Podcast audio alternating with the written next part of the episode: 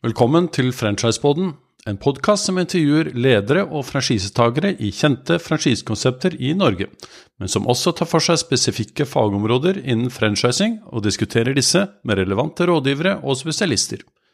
Mitt navn er Sven Hars, jeg er rådgiver i Franchisearkitekt og ansvarlig for dette programmet. Franchisearkitekt er Norges ledende tjenesteleverandør innen bygging og utvikling av franchisekonsepter i Norge.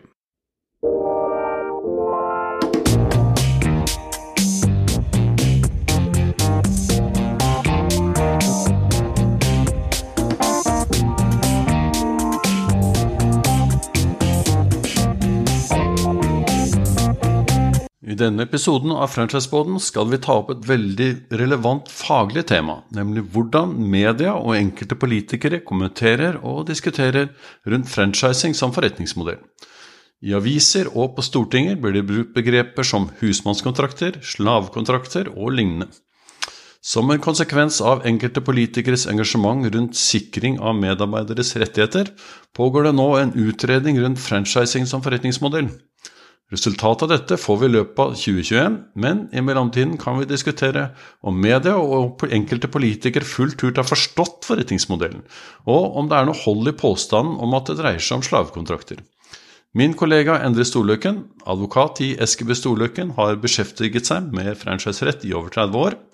Han har gjennomgått samtlige rettstvister omkring franchising med mål om å se hvor mange tvister som har tatt stilling til urimelige avtaler eller vesentlig mislighold fra franchisegiverens side. I podkasten får du høre om utfallet av denne undersøkelsen og hva vi mener er viktige grunnkriterier for å drifte et profesjonelt franchisekonsept. I dagens podkast om franchise så skal vi ta utgangspunkt i media. Nemlig hva er det media skriver om eller mener om franchise som forretningsmodell. Og med meg har jeg Endre Storløken, advokat i SKB Storløken i Oslo. Hei, Endre. Hei, hei. Dette er jo, Nå er vi inne på Jeg vil nesten si at vi er inne på fake news. I hvert fall etter vår oppfatning. Og det er nettopp det at hvis man leser i media, så brukes det begreper som husmannskontrakter, slavekontrakter. I, og det er knyttet til kanskje rettssaker som har vært, og en oppfatning som media har av uh, franchising. Men vi har også, uh, kall det politikere, og vi har uh, representanter, bl.a. nestleder i Handel og Kontor, Stein Christiansen. Han har kalt det en avskyelig forretningsmodell. Og det er, litt, det er såpass interessant at vi syns at vi bør gå inn i det temaet og diskutere Stemmer dette her, og er det noe dokumentasjon på at det er sånn, eller hvorfor bruker de disse begrepene? Det er kanskje det som er relevant her. og da, da kan vi gå inn på det som er kanskje mest konkret her, det er jo uh, Steinar Moxnes i Rødt. Som har uttalt en del ting om tolkning av franchise, som har også årsak til at det nå blir utredet om man skal lovregulere det. Og En ting han skriver om, da, det er at er franchise-taker en selvstendig næringsdrivende, eller er han en butikksjef? Endre, hva, hvis man tar de tre punktene som man nevner, da, så kan vi begynne med den. Ja, eh, dette med Moxnes viser jo ganske tydelig at eh, enten så kjører man Trump-linjen og, og, er ikke så presis med den objektive sannhet. Eh, og, og, kaster ut problemstillinger som eh, enten ikke er problemstillinger, eller som er sterkt overdrevne. Eh, og ikke har grunnlag i, i, virkeligheten. Så med basis i det så har jeg sett litt nærmere på, på gehalten i uh, både uttalelser fra handel og kontor, uh, avskyelig forretningsmodell,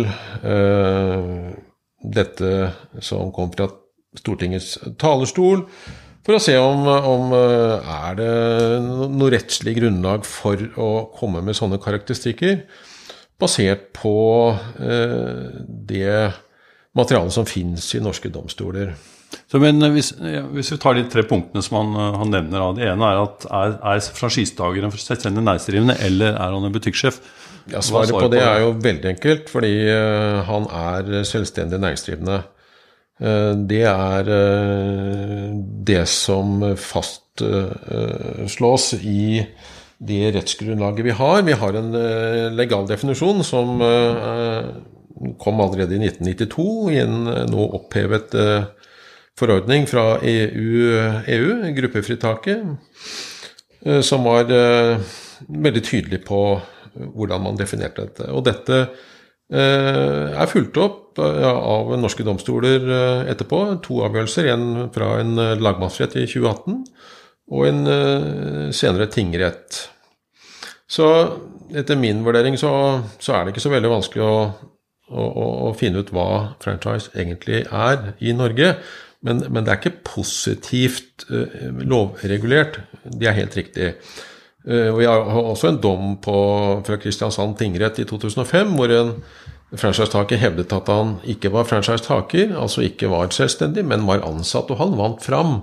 Så dette er jo et rettsområde som ikke er veldig vanskelig for domstolen å vurdere. Men poenget er at uh, det er også en helt vanlig vurdering, disse grensene, hvis det er en uh, svak avtale. Så, uh, så, Svaret på det spørsmålet, er, i hvert fall sånn som vi kjenner det, det er jo at hvis du inngår en franchiseavtale, så er hele poenget at franchisetakeren er selvstendig næringsdrivende, driver for egen regning og tar en egen risiko. Og når han tar den risikoen, så må også da avtalen være balansert, slik at det er lønnsomt for begge parter. Ja. Det er altså to forskjellige foretak, rett og slett. Uh, giver og taker. Uh, det er det enkle svaret på det. Ikke sant? Og neste spørsmål, til, eller ikke spørsmål, kommentar til Moxnes er at franchise er ikke regulert i Norge i dag. Du var så vidt innom det, men er det rettspraksis på det? Det er det. Det er det. Så dermed er det i hvert fall de to punktene han nevnte, det, de stemmer ikke. Og så siste, da, som, som er kanskje høres litt sleivete ut, men han har nå sagt det. Franchisetaker tar alt ansvar. Franchisetakeren selger konseptet og tjenester og tjener penger på det. Hva, hvem er det som tjener penger i en sånn franchise-relasjon? Eh, begge parter eh, skal forutsetningsvis tjene penger. Eh, den lokale driveren skal tjene på lokal drift. Den andre skal tjene på det konseptuelle. Og han selger jo heller ikke konseptet, han leier det ut. Ikke sant. Så hele poenget med det vi har prediket da, i forskjellige eh, podkaster, det er nettopp det at hvis det skal ha noe for seg å vokse med franchising, så må det være slik at begge parter eh, er lønnsomme.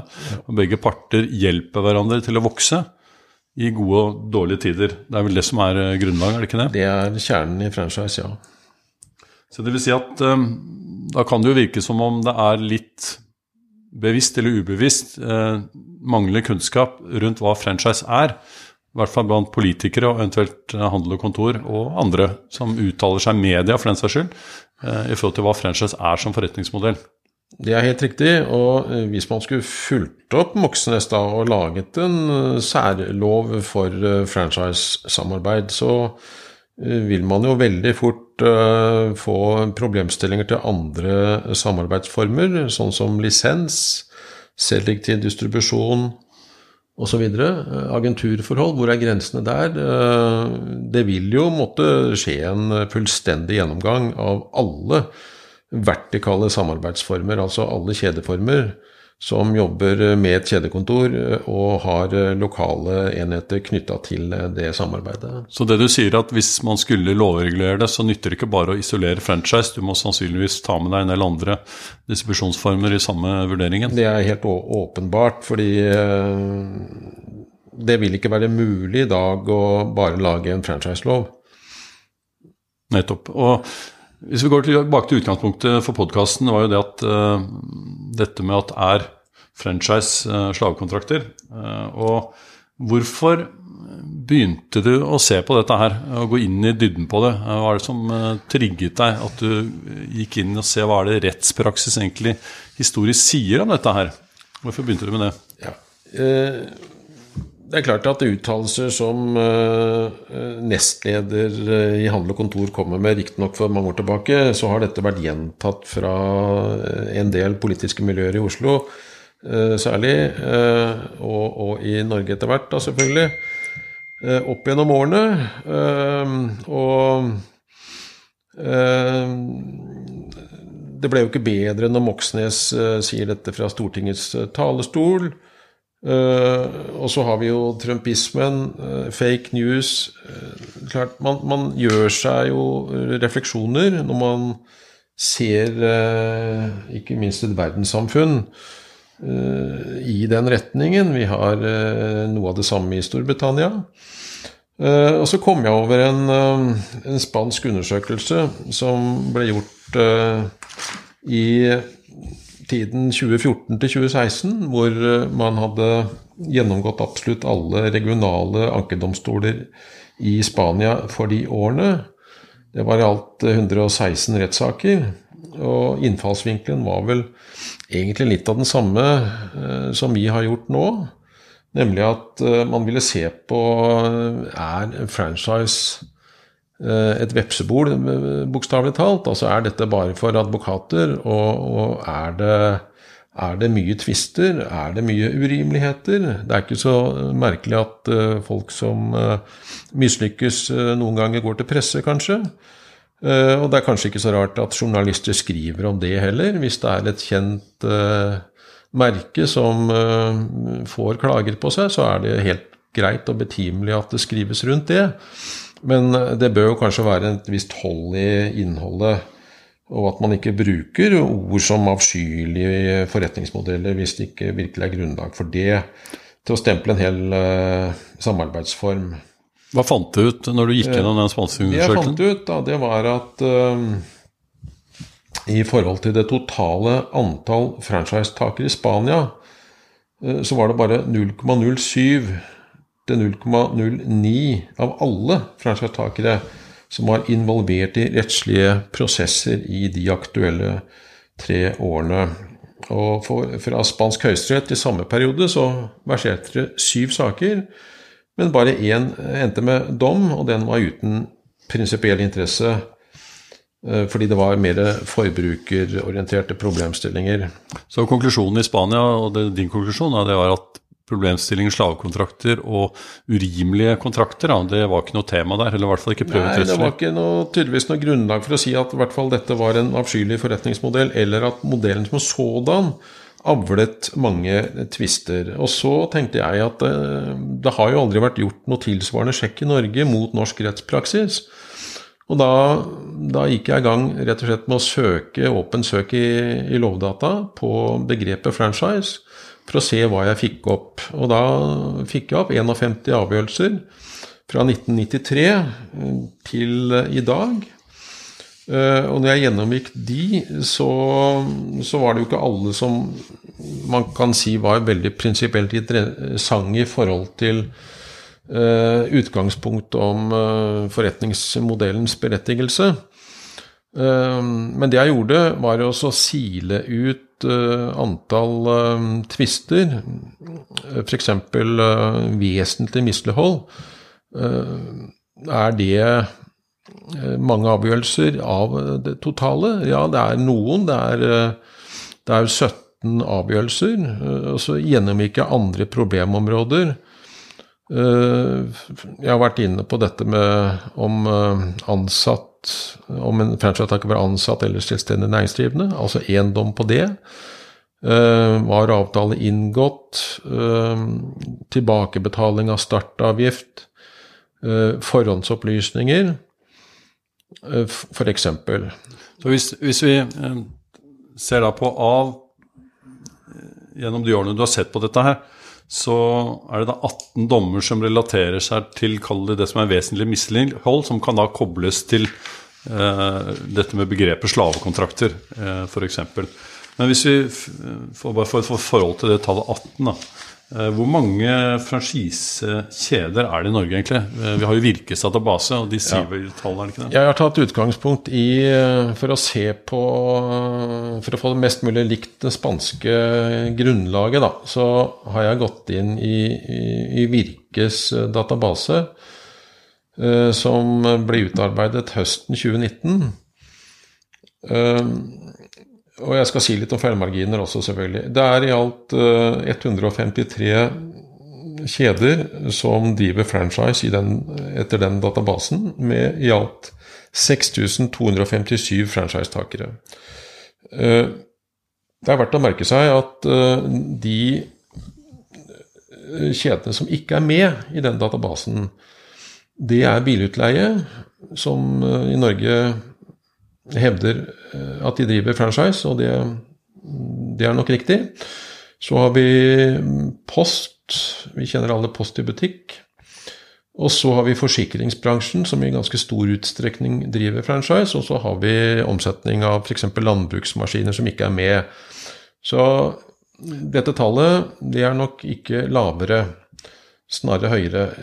Jeg vil også si det at eh, når vi gjennomgår rettspraksis, så må vi være klar over at det er ikke alltid, og det er faktisk eh, svært sjelden, at uh, spørsmålet om det er franchise som driftes eller ikke, det er ofte bare forutsatt av domstolen, fordi partene tvister ikke om det. De, de, legger til grunn at det er franchise.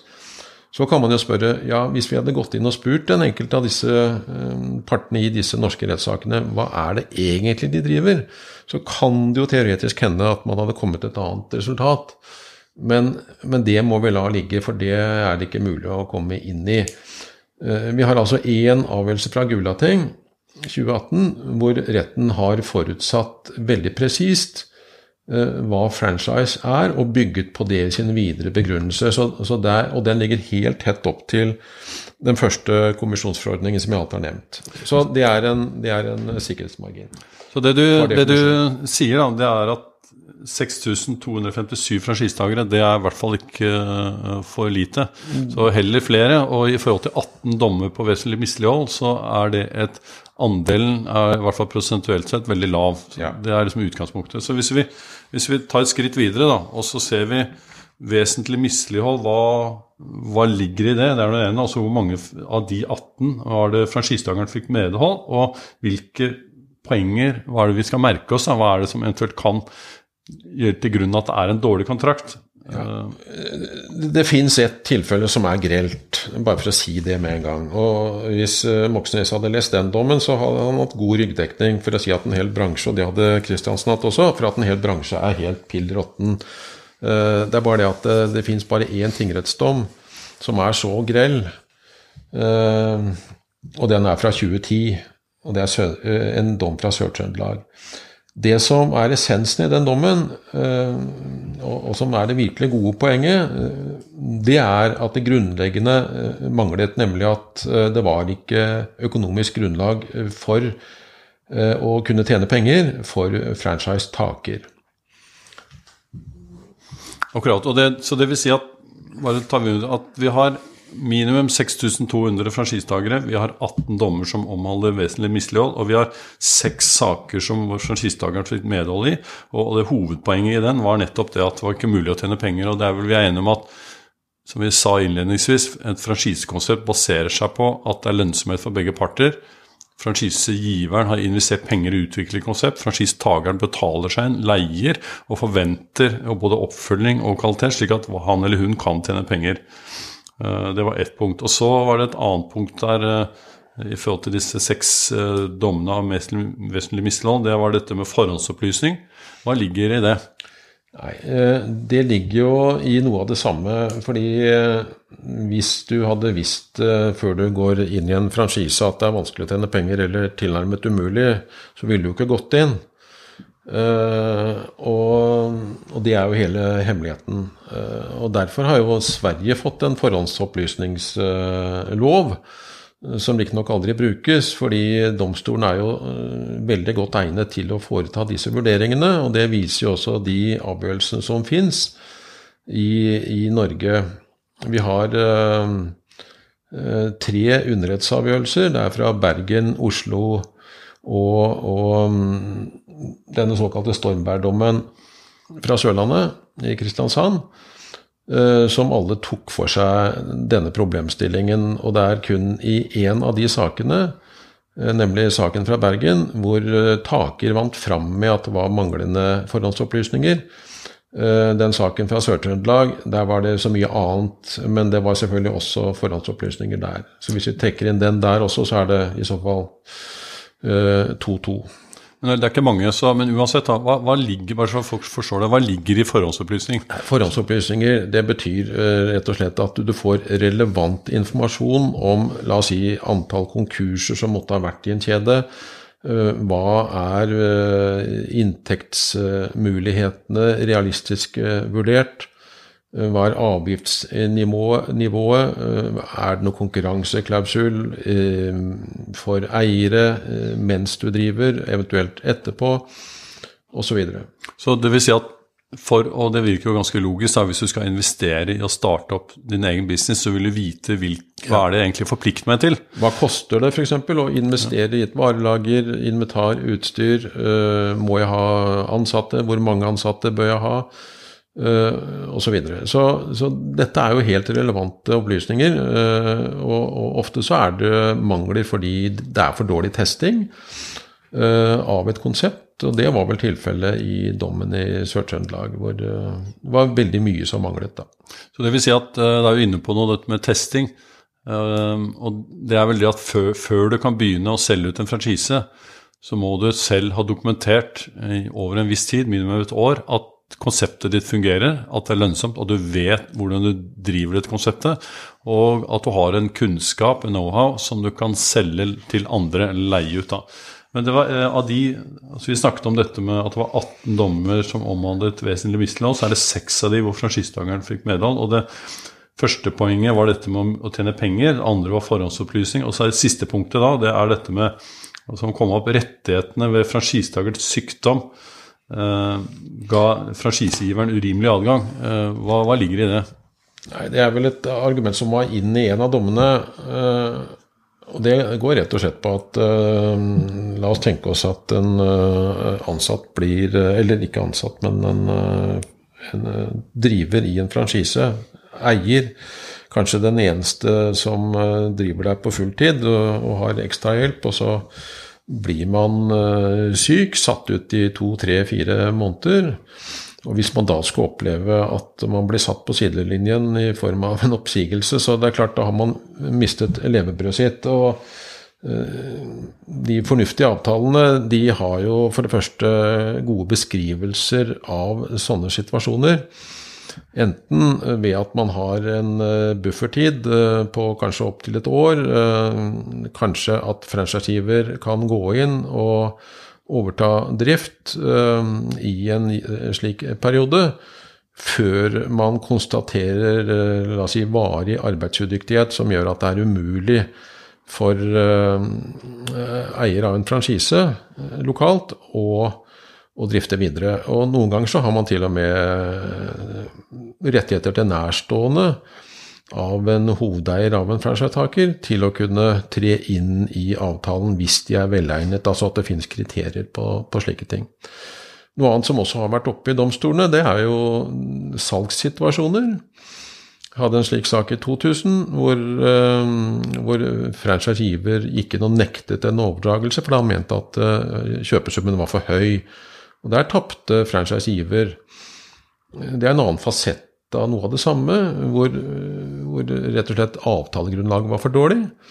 Det er ikke urimelig å sette slike betingelser hvis eh, man mener at eh, fire-fem millioner eh, i salgssum ødelegger balansen i framtiden i forhold til det som ellers trengs av økonomi for å drifte en, en lokal franchise forsvarlig. Og der tapte rett og slett franchisegiver fordi det var ikke beskrivelser av nektingsgrunner.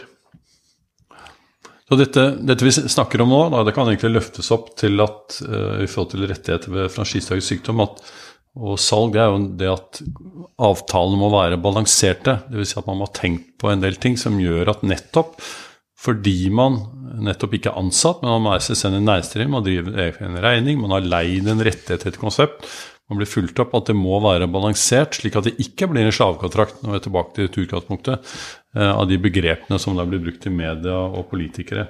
Så hvis du da sier at det er seks saker av 6, minimum 6200 franchisetakere, så er jo det lite. Vil si at da kan man vel, i hvert fall ut fra norsk rettspraksis, konkludere med at eh, slik vi ser det, i hvert fall, eh, så er ikke franchisekonsept Et godt franchisekonsept er ikke noe slavekontrakt.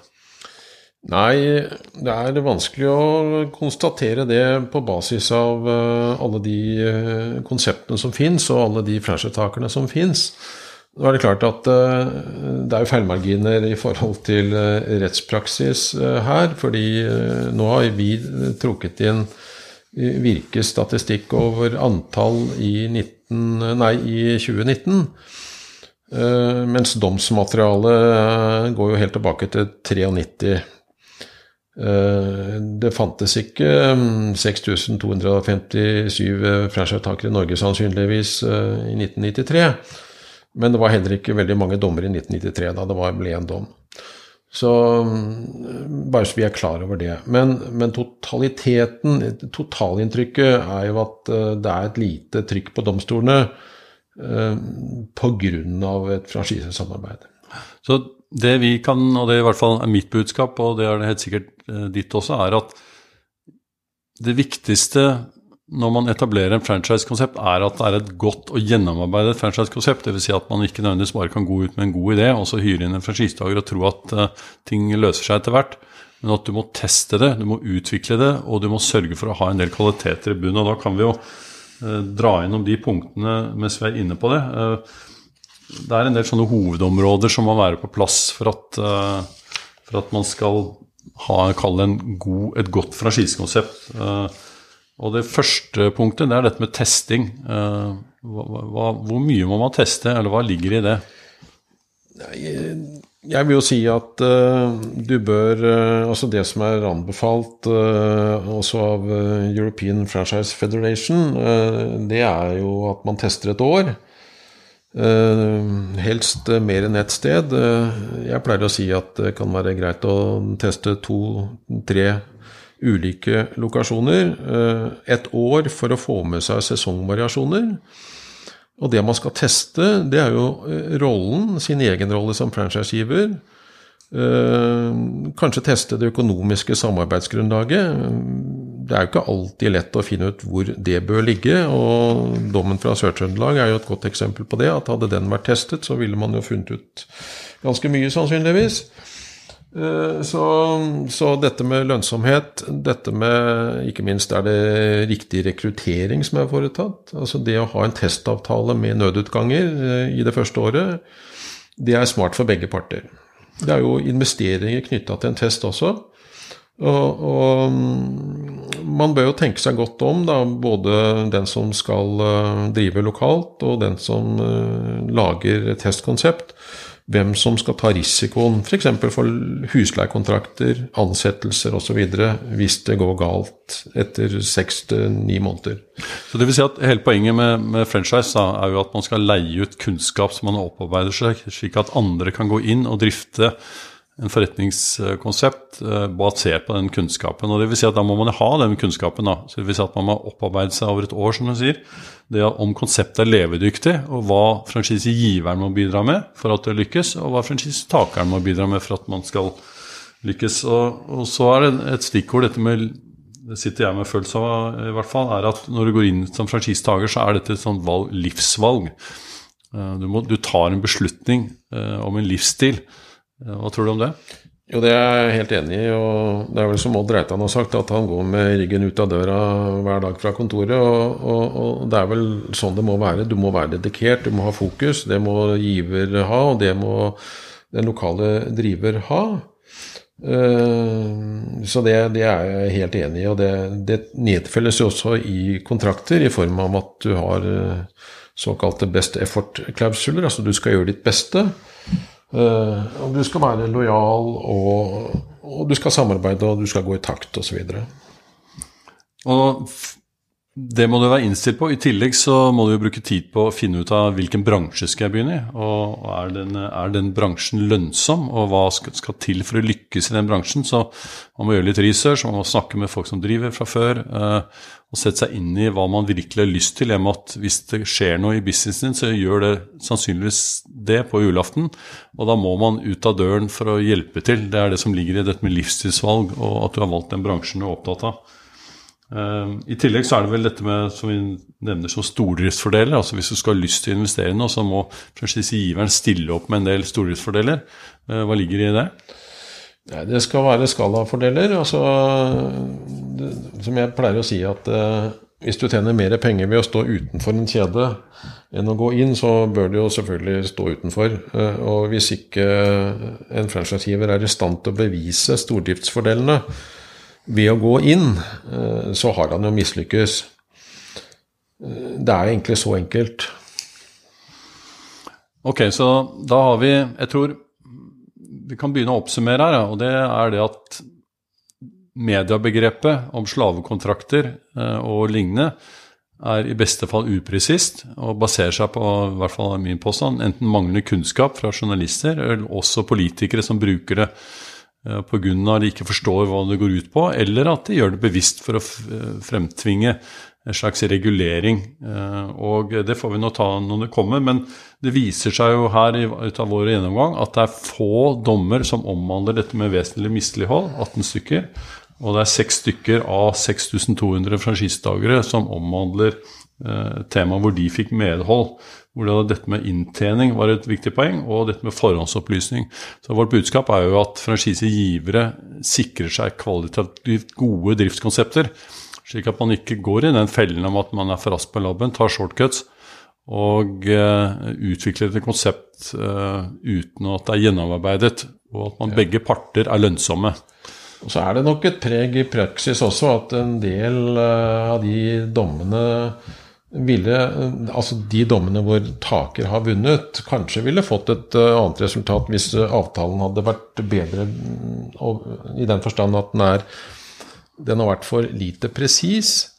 Eh, det er lov å være presis, det er ikke urimelig å være presis. Eh, men uklarhet det vil gå utover den som har laget kontrakten, og det er i praksis franchisegiver. Slik at uh, man skal ta med seg det også. Og jeg har jo gjennomgått alle saker om midlertidige fravikelser. Altså ved opphør av avtalen.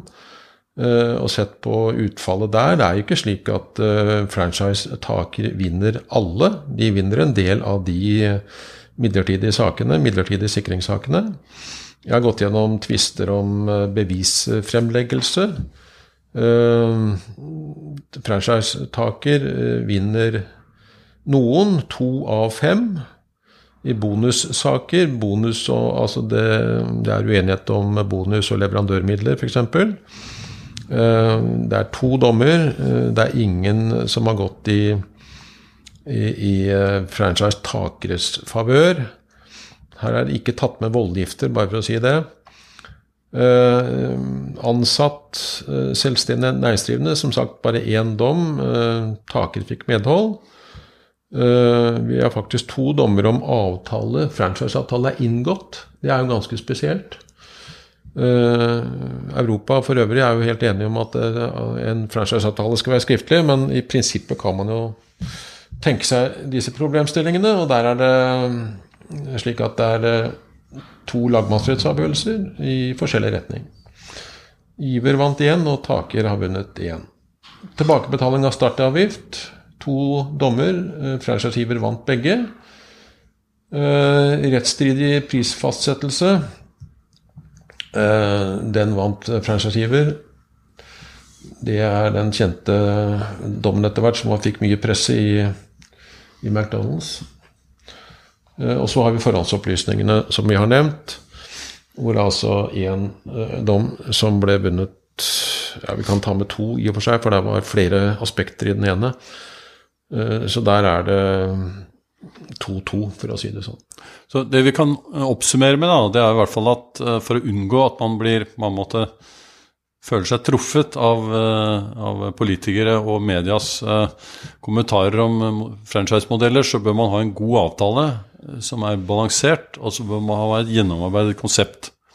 Det er vel de to tingene som man, vi kan konkludere med, er det ikke det? Og, Gjennomarbeidet, godt testet konsept som gir begge muligheter til å tjene penger.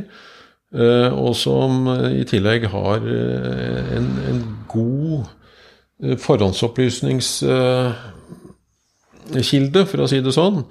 Har man et godt franchise-prospekt som oppsummerer testperioden, og testperioden også gir grunnlag for å utarbeide en håndbok Det er jo mange som mangler det, faktisk, og det merker jo vi da vil en god avtale på toppen være med på å sikre at eh, konfliktstoffet bør bli eh, veldig lavt. Og det er jo vitterlig ikke høyt i Norge, det må vi kunne fastslå.